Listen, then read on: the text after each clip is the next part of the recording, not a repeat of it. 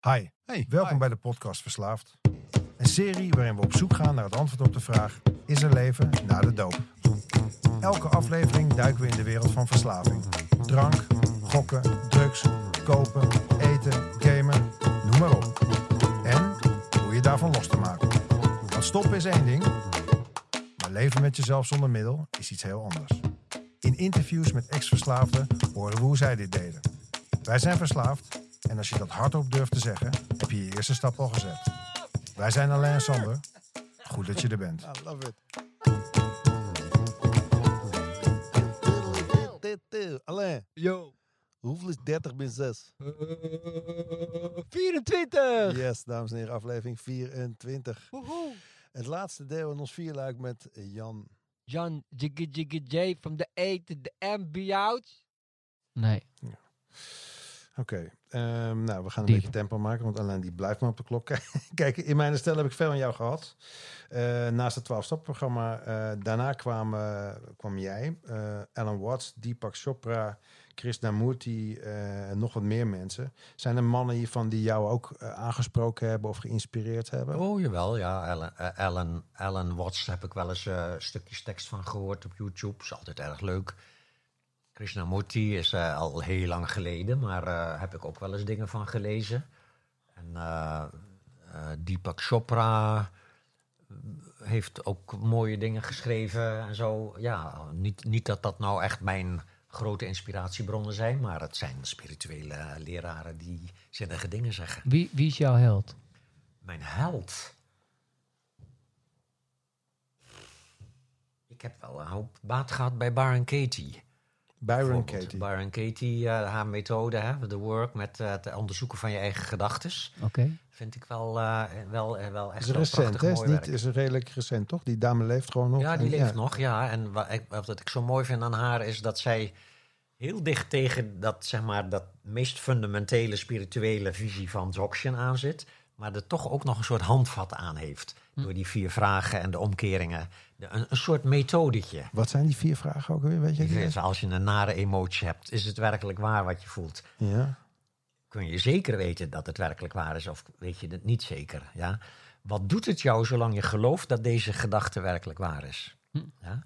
En niet van je moet ermee ophouden, want je bent er ook niet mee begonnen met die gedachten te denken. De gedachte denkt jou, als het ware. Ja? En dan kun je je afvragen, hoe zou ik me voelen als ik niet zou geloven dat deze gedachte echt waar is? ja. Ja? En dan kun je een begin maken met die ruimte eromheen. Klinkt best heel En dan praktisch. ga je gedachten omkeren. Een soort van, van, eh, van de- of het omgekeerde misschien ook waar kan zijn. En dan merk je dat alle gedachten in een bepaalde setting best waar kunnen zijn. Enfin, het is een prachtige methode. Oké. Dus dat, eh, dat, en omdat het juist vooral eh, zo concreet is. Dat, terwijl Dzogchen is, heel, veel- Dzogchen is wel heel veel gewoon mediteren. Gewoon zitten en kijken naar je gedachten. En zij heeft een soort handvatje daar nog aan gegeven. Dat Mooi. je nog een klein beetje ondersteuning hebt met die vragen. Ja. Ja, Ja, dat want is zo- mooi. Alan Watts is bijvoorbeeld heel, heel theoretisch. Tenminste, vind ik echt lastig Ja. om te volgen. Ja. Dat is ook meer een filosoof, denk ik. Hè? En dan heb je natuurlijk, eh, ja, is meer filosoof, hè? dus die hebben het niet zozeer over beoefening.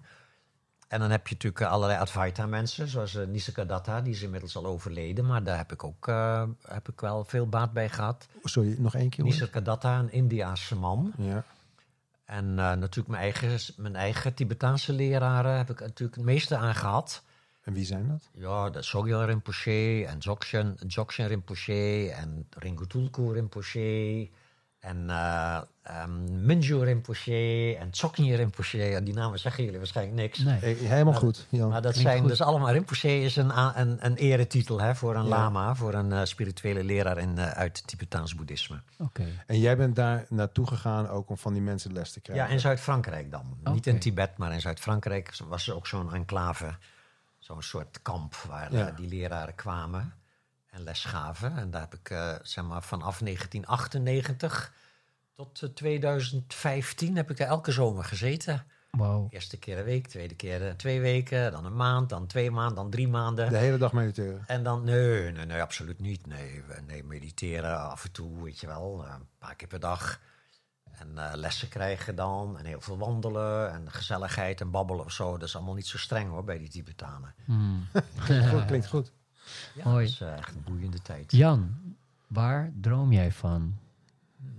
Dromen in de overdrachtelijke betekenis of letterlijk?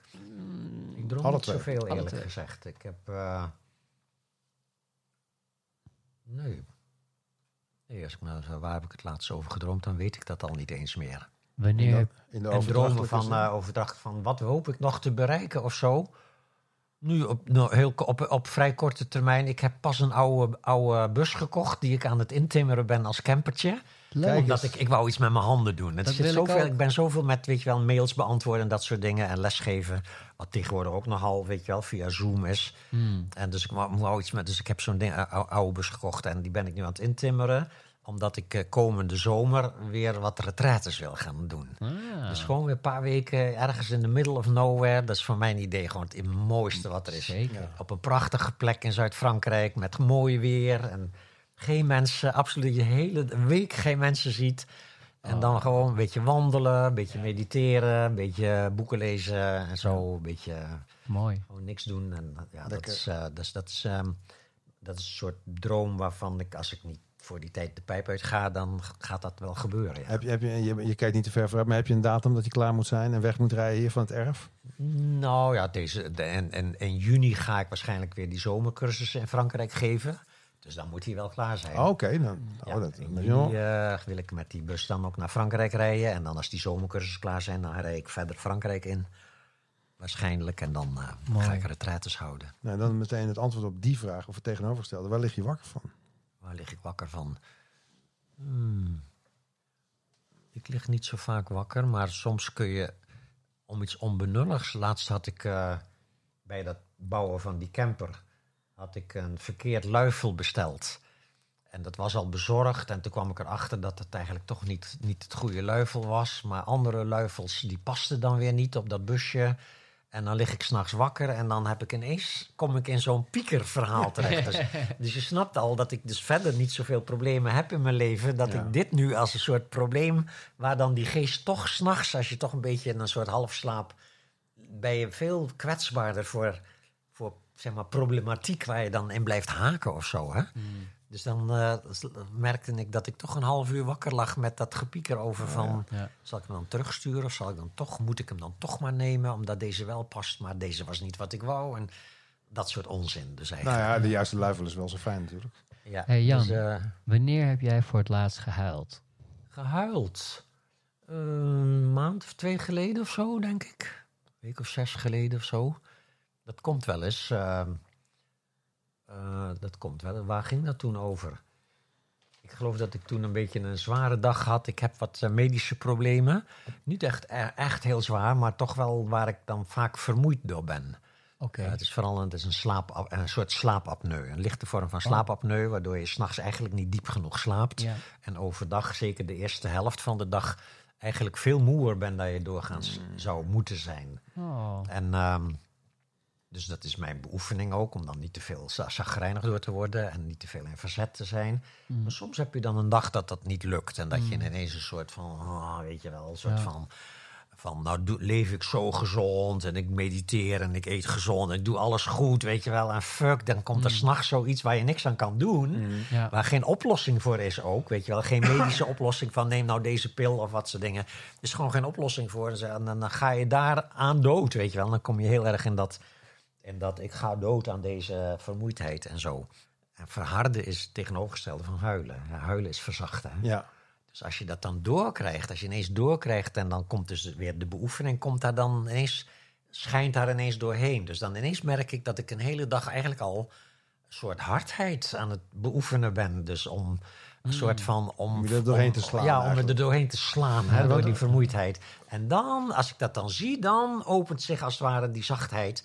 En vooral als je dus een hele dag hard geweest bent en je opent ineens de zachtheid, dan kun je dus ineens beginnen met huilen. Ja. Over dat. ehm, ik, ik, En dat huilen ervaar ik dan echt ook als een, als een regenbui na een hele lange tocht door de woestijn, bij Ja, van spreken. Ah, heerlijk. alles weer open. Ja. Ja.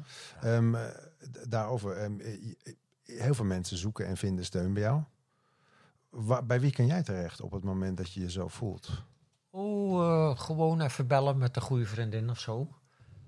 En eh, meestal doe ik wel eerst, maar eerst los ik het zelf op. Maar daarna is het toch fijn om het even te kunnen delen. Ja. Mm. Ja, en ik heb een paar vriendinnen waar ik eh, goed mee ben. Dus, eh, Oké. of soms mijn zoon. Mijn jongste zoon vooral, die woont hiernaast. Dat is mijn buurman ook. Oké. En eh, wij hebben ook af en toe van die babbeltjes. Ja, is En ook heel zijn, fijn. En zijn dat gewoon eh, vriendinnen of eh, zijn het ook eh Eh, liefdesvriendinnen? soms zijn het minnaressen en soms zijn het ex-minnaressen. Oh, Oké, ja. Waar ik dan nog steeds gewoon heel erg bevriend mee blijf. mooi. Ja. Ja. Zijn dat de perks van een eh, hele bekende goeroe zijn? Dat de vrouwen zich aan je voeten werpen? Nee, dat, eh, dat valt tegen, eerlijk gezegd. Mensen kunnen waar. contact opzoeken. Was het maar waar. Oh, mooi. Ja. Ehm, nou ja, we hebben het daar ook wel over gehad. En ehm, volgens mij beoefen jij ook de tantra. Ja. En wij onderweg hierheen hebben een uur zitten praten over wat wij nou denken wat het precies is. Maar ja, wij weten het niet precies. Mhm. Zou jij in, heel in het kort kunnen zeggen wat het met je doet? Ja, tantra beoefenen. Je hebt sowieso, zou ik, eh, voor alle duidelijkheid, je hebt ook hier weer een soort eh, westerse en een soort eh, authentieke versie. De westerse versie gaat meer over het, het leuker maken van je vrijpartij. Ja. Door daar wat zeg maar, minder doelgericht in te worden en wat meer zeg maar, tijd te nemen voor voorspel en strelingen en dat soort dingen. Dat is op zich allemaal ook heel erg leuk en heb ik geen enkel negatief oordeel over. Maar als je zegt waar komt het dan vandaan, dan is tantra echt het beoefenen met emoties die doorgaans voor problemen zorgen. Dus zelfs niet eens alleen maar over seksualiteit. Tantra is Nee. eigenlijk gewoon een, een tak van het boeddhisme wat ehm, emoties zoals woede en begeerte niet langer bestrijdt met zeg maar eh, eh, het tegendeel te proberen te trainen, Mm. maar door het te transformeren. Dus dat betekent dat je als het ware de woede of de begeerte juist heel erg groter maakt, zou je kunnen zeggen. Je maakt hem juist groter, maar zonder dat je het gebruikelijke effect van het ego bij woede is dat je een ander de kop in wil inslaan. Ja. En bij begeerte dat je een ander nodig hebt om je weer lekker te gaan voelen. Mm. Ja, dus dat, dat willen afwillen van een emotie maakt hem dwangmatig. Ja? Zodra je een emotie niet meer beschouwt als iets waar je van af moet, maar wat je kunt transformeren. En daar zijn technieken voor, technieken die te maken hebben met ademhaling, met eh, energieën in je lijf, met chakra's en zo. Dan kun je een bepaalde energie die het ego beschouwt als woede of als eh, ik, ik moet nou seks hebben, anders dan kan ik niet gelukkig zijn. Kun je transformeren in een soort hele pure, heldere energie. Wauw. Dus dan is het, eh, dus dan wordt eh, bijvoorbeeld vrije wordt dan een spirituele beoefening. En het mooie van een spirituele beoefening maken van vrije is dat je het contact tussen twee mensen, en dat heeft heel veel te maken met oogcontact ook, Ja.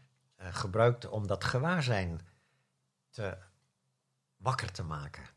Ja, dus uiteindelijk gaat het toch altijd weer terug naar gewaarzijn. Dus als je gewaar kunt blijven terwijl je in, een, in zo'n intens contact zit met een liefdespartner, of zelfs alleen maar met een partner waar je natuurlijk wel, wie je wel lief vindt, maar waar je geen relatie mee hebt.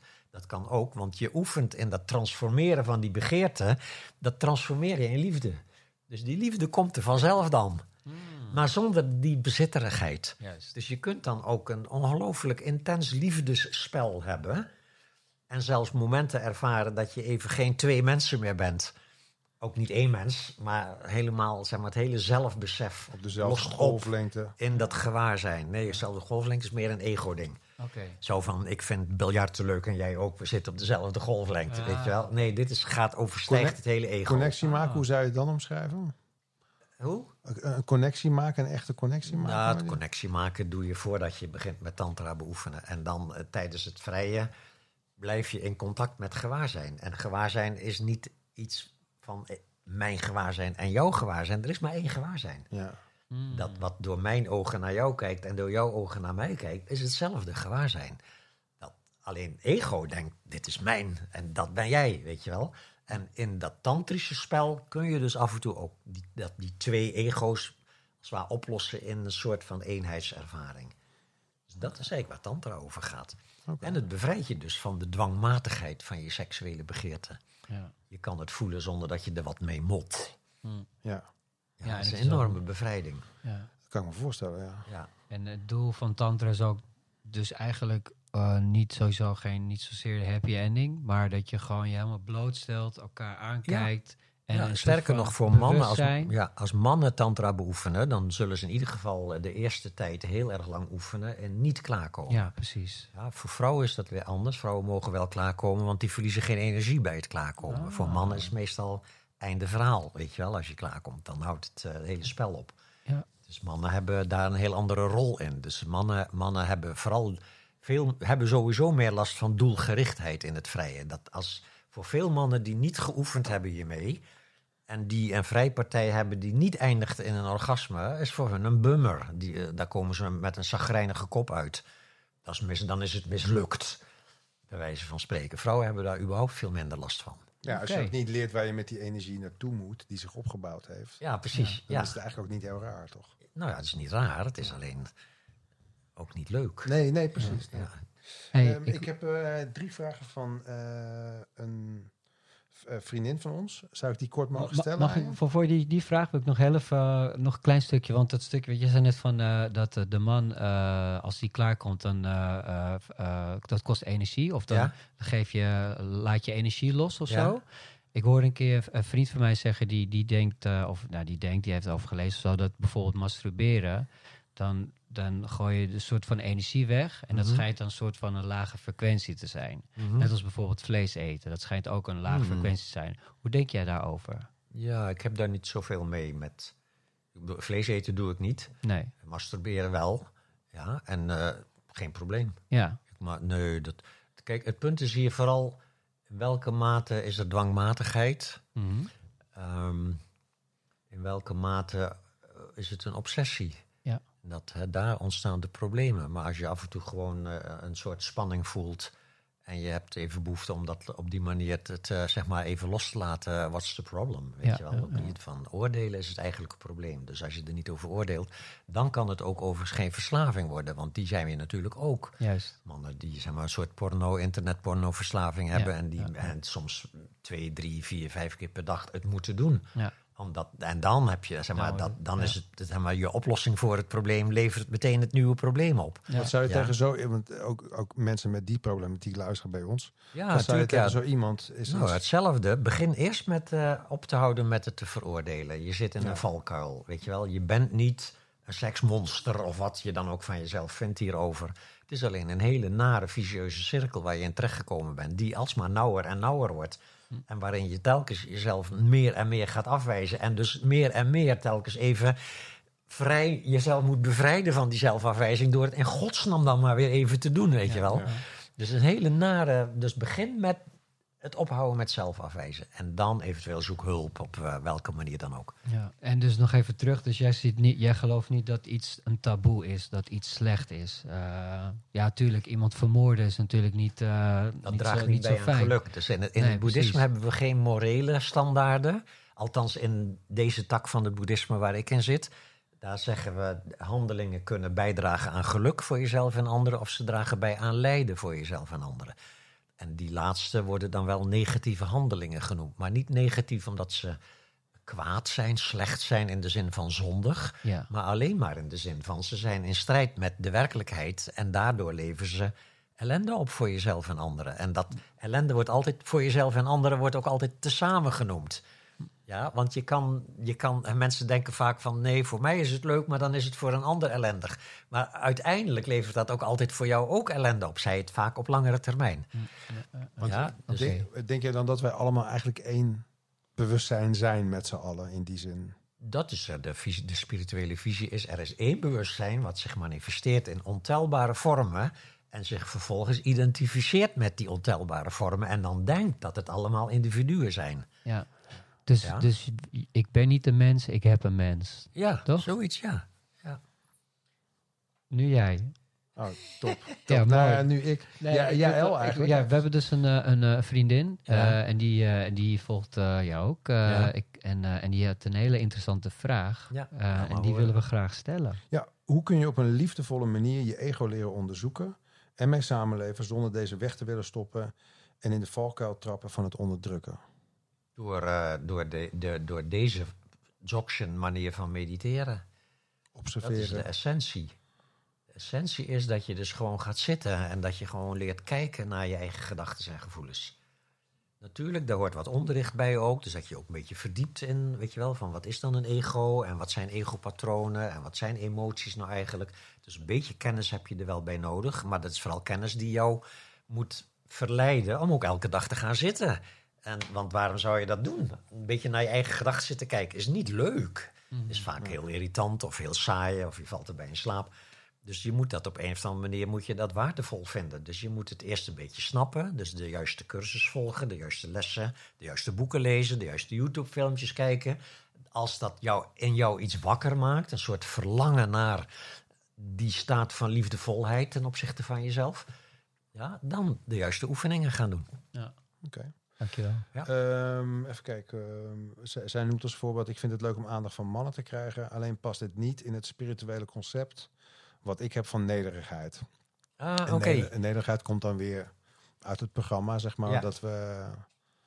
Ja, nederigheid is, eh, is een, een, een tricky ding. Want als je het probeert te zijn, ben je het al niet meer. Ja, Dan ben je nederig het. om Ja, aardig ja, omdat te je een, of- graag een nederige indruk wil Ja, maken. Hè? Dus eh, voor mij is nederigheid is iets wat ontstaat door, door inzicht in de werkelijke staat van zijn. Nederigheid in de zin van eigenlijk weten we niks. Dat niet weten beschouwen als meer, als belangrijker. Niet weten is ruimer dan wel weten. Ja, want wel weten is altijd de mind. Ja, de mind die een soort theorie heeft waarmee die dan de werkelijkheid probeert te verklaren.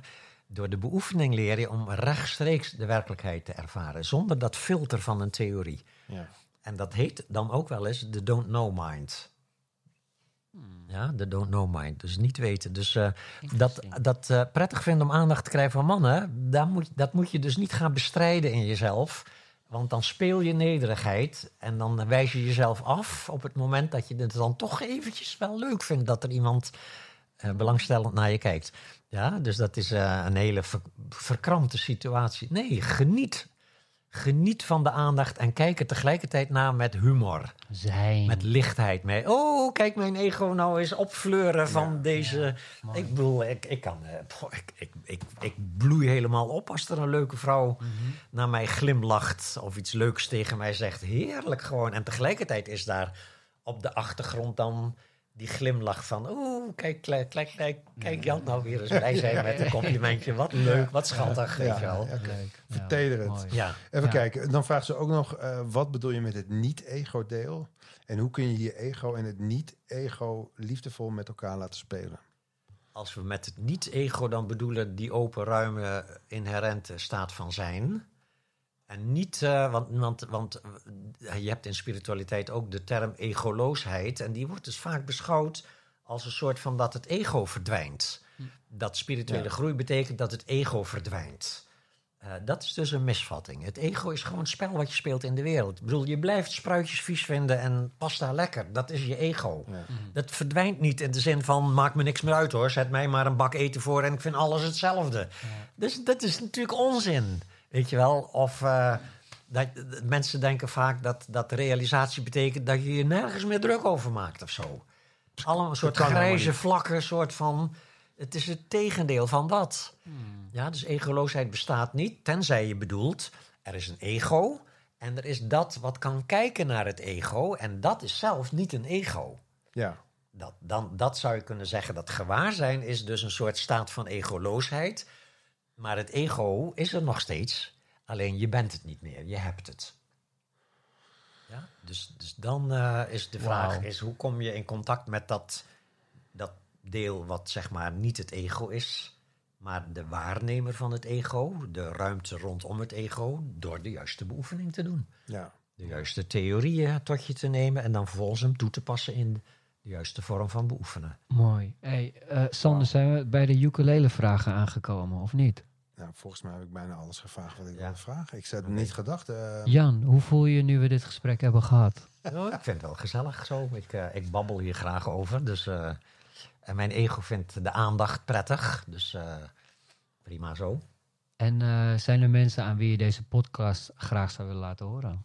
Ehm, zeker eh, aan mensen die, eh, die verslaafd zijn. Die zou ik hem dan wel aanbevelen, denk ik. Ja. Ja.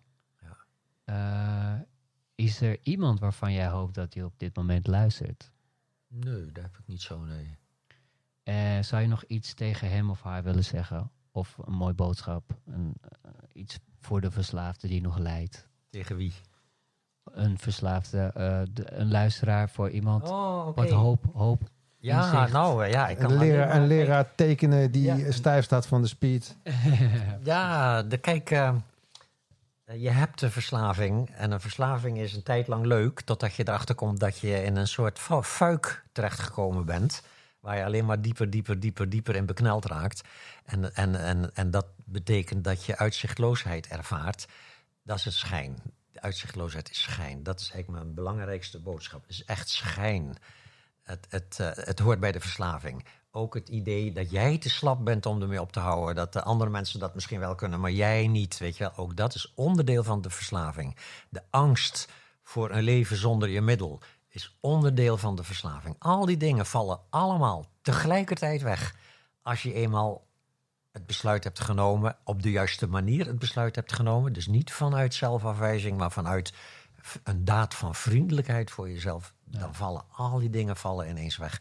En opent er zich een soort nieuw leven voor je. Ja? En dan wordt met terugwerkende kracht de verslaving zelfs een waardevolle herinnering. Een waardevolle verslaving.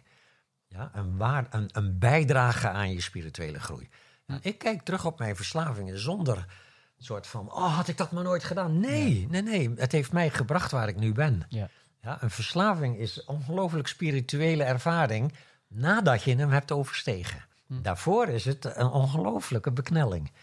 Ja, en dat is wat beknellingen zijn. Het, beknellingen zijn middelen om verlichting te bereiken. Ja. Wauw, wat mooi. Wauw. Ja. Eh, Ik denk dat wij er ook zo over denken, als ik eerlijk ben. Want ik ben ook, ik, ook al heb ik een hele moeilijke tijd gehad. Ik was niet geweest, ik was niet gaan onderzoeken wat ik nu aan het onderzoeken ben. Ja.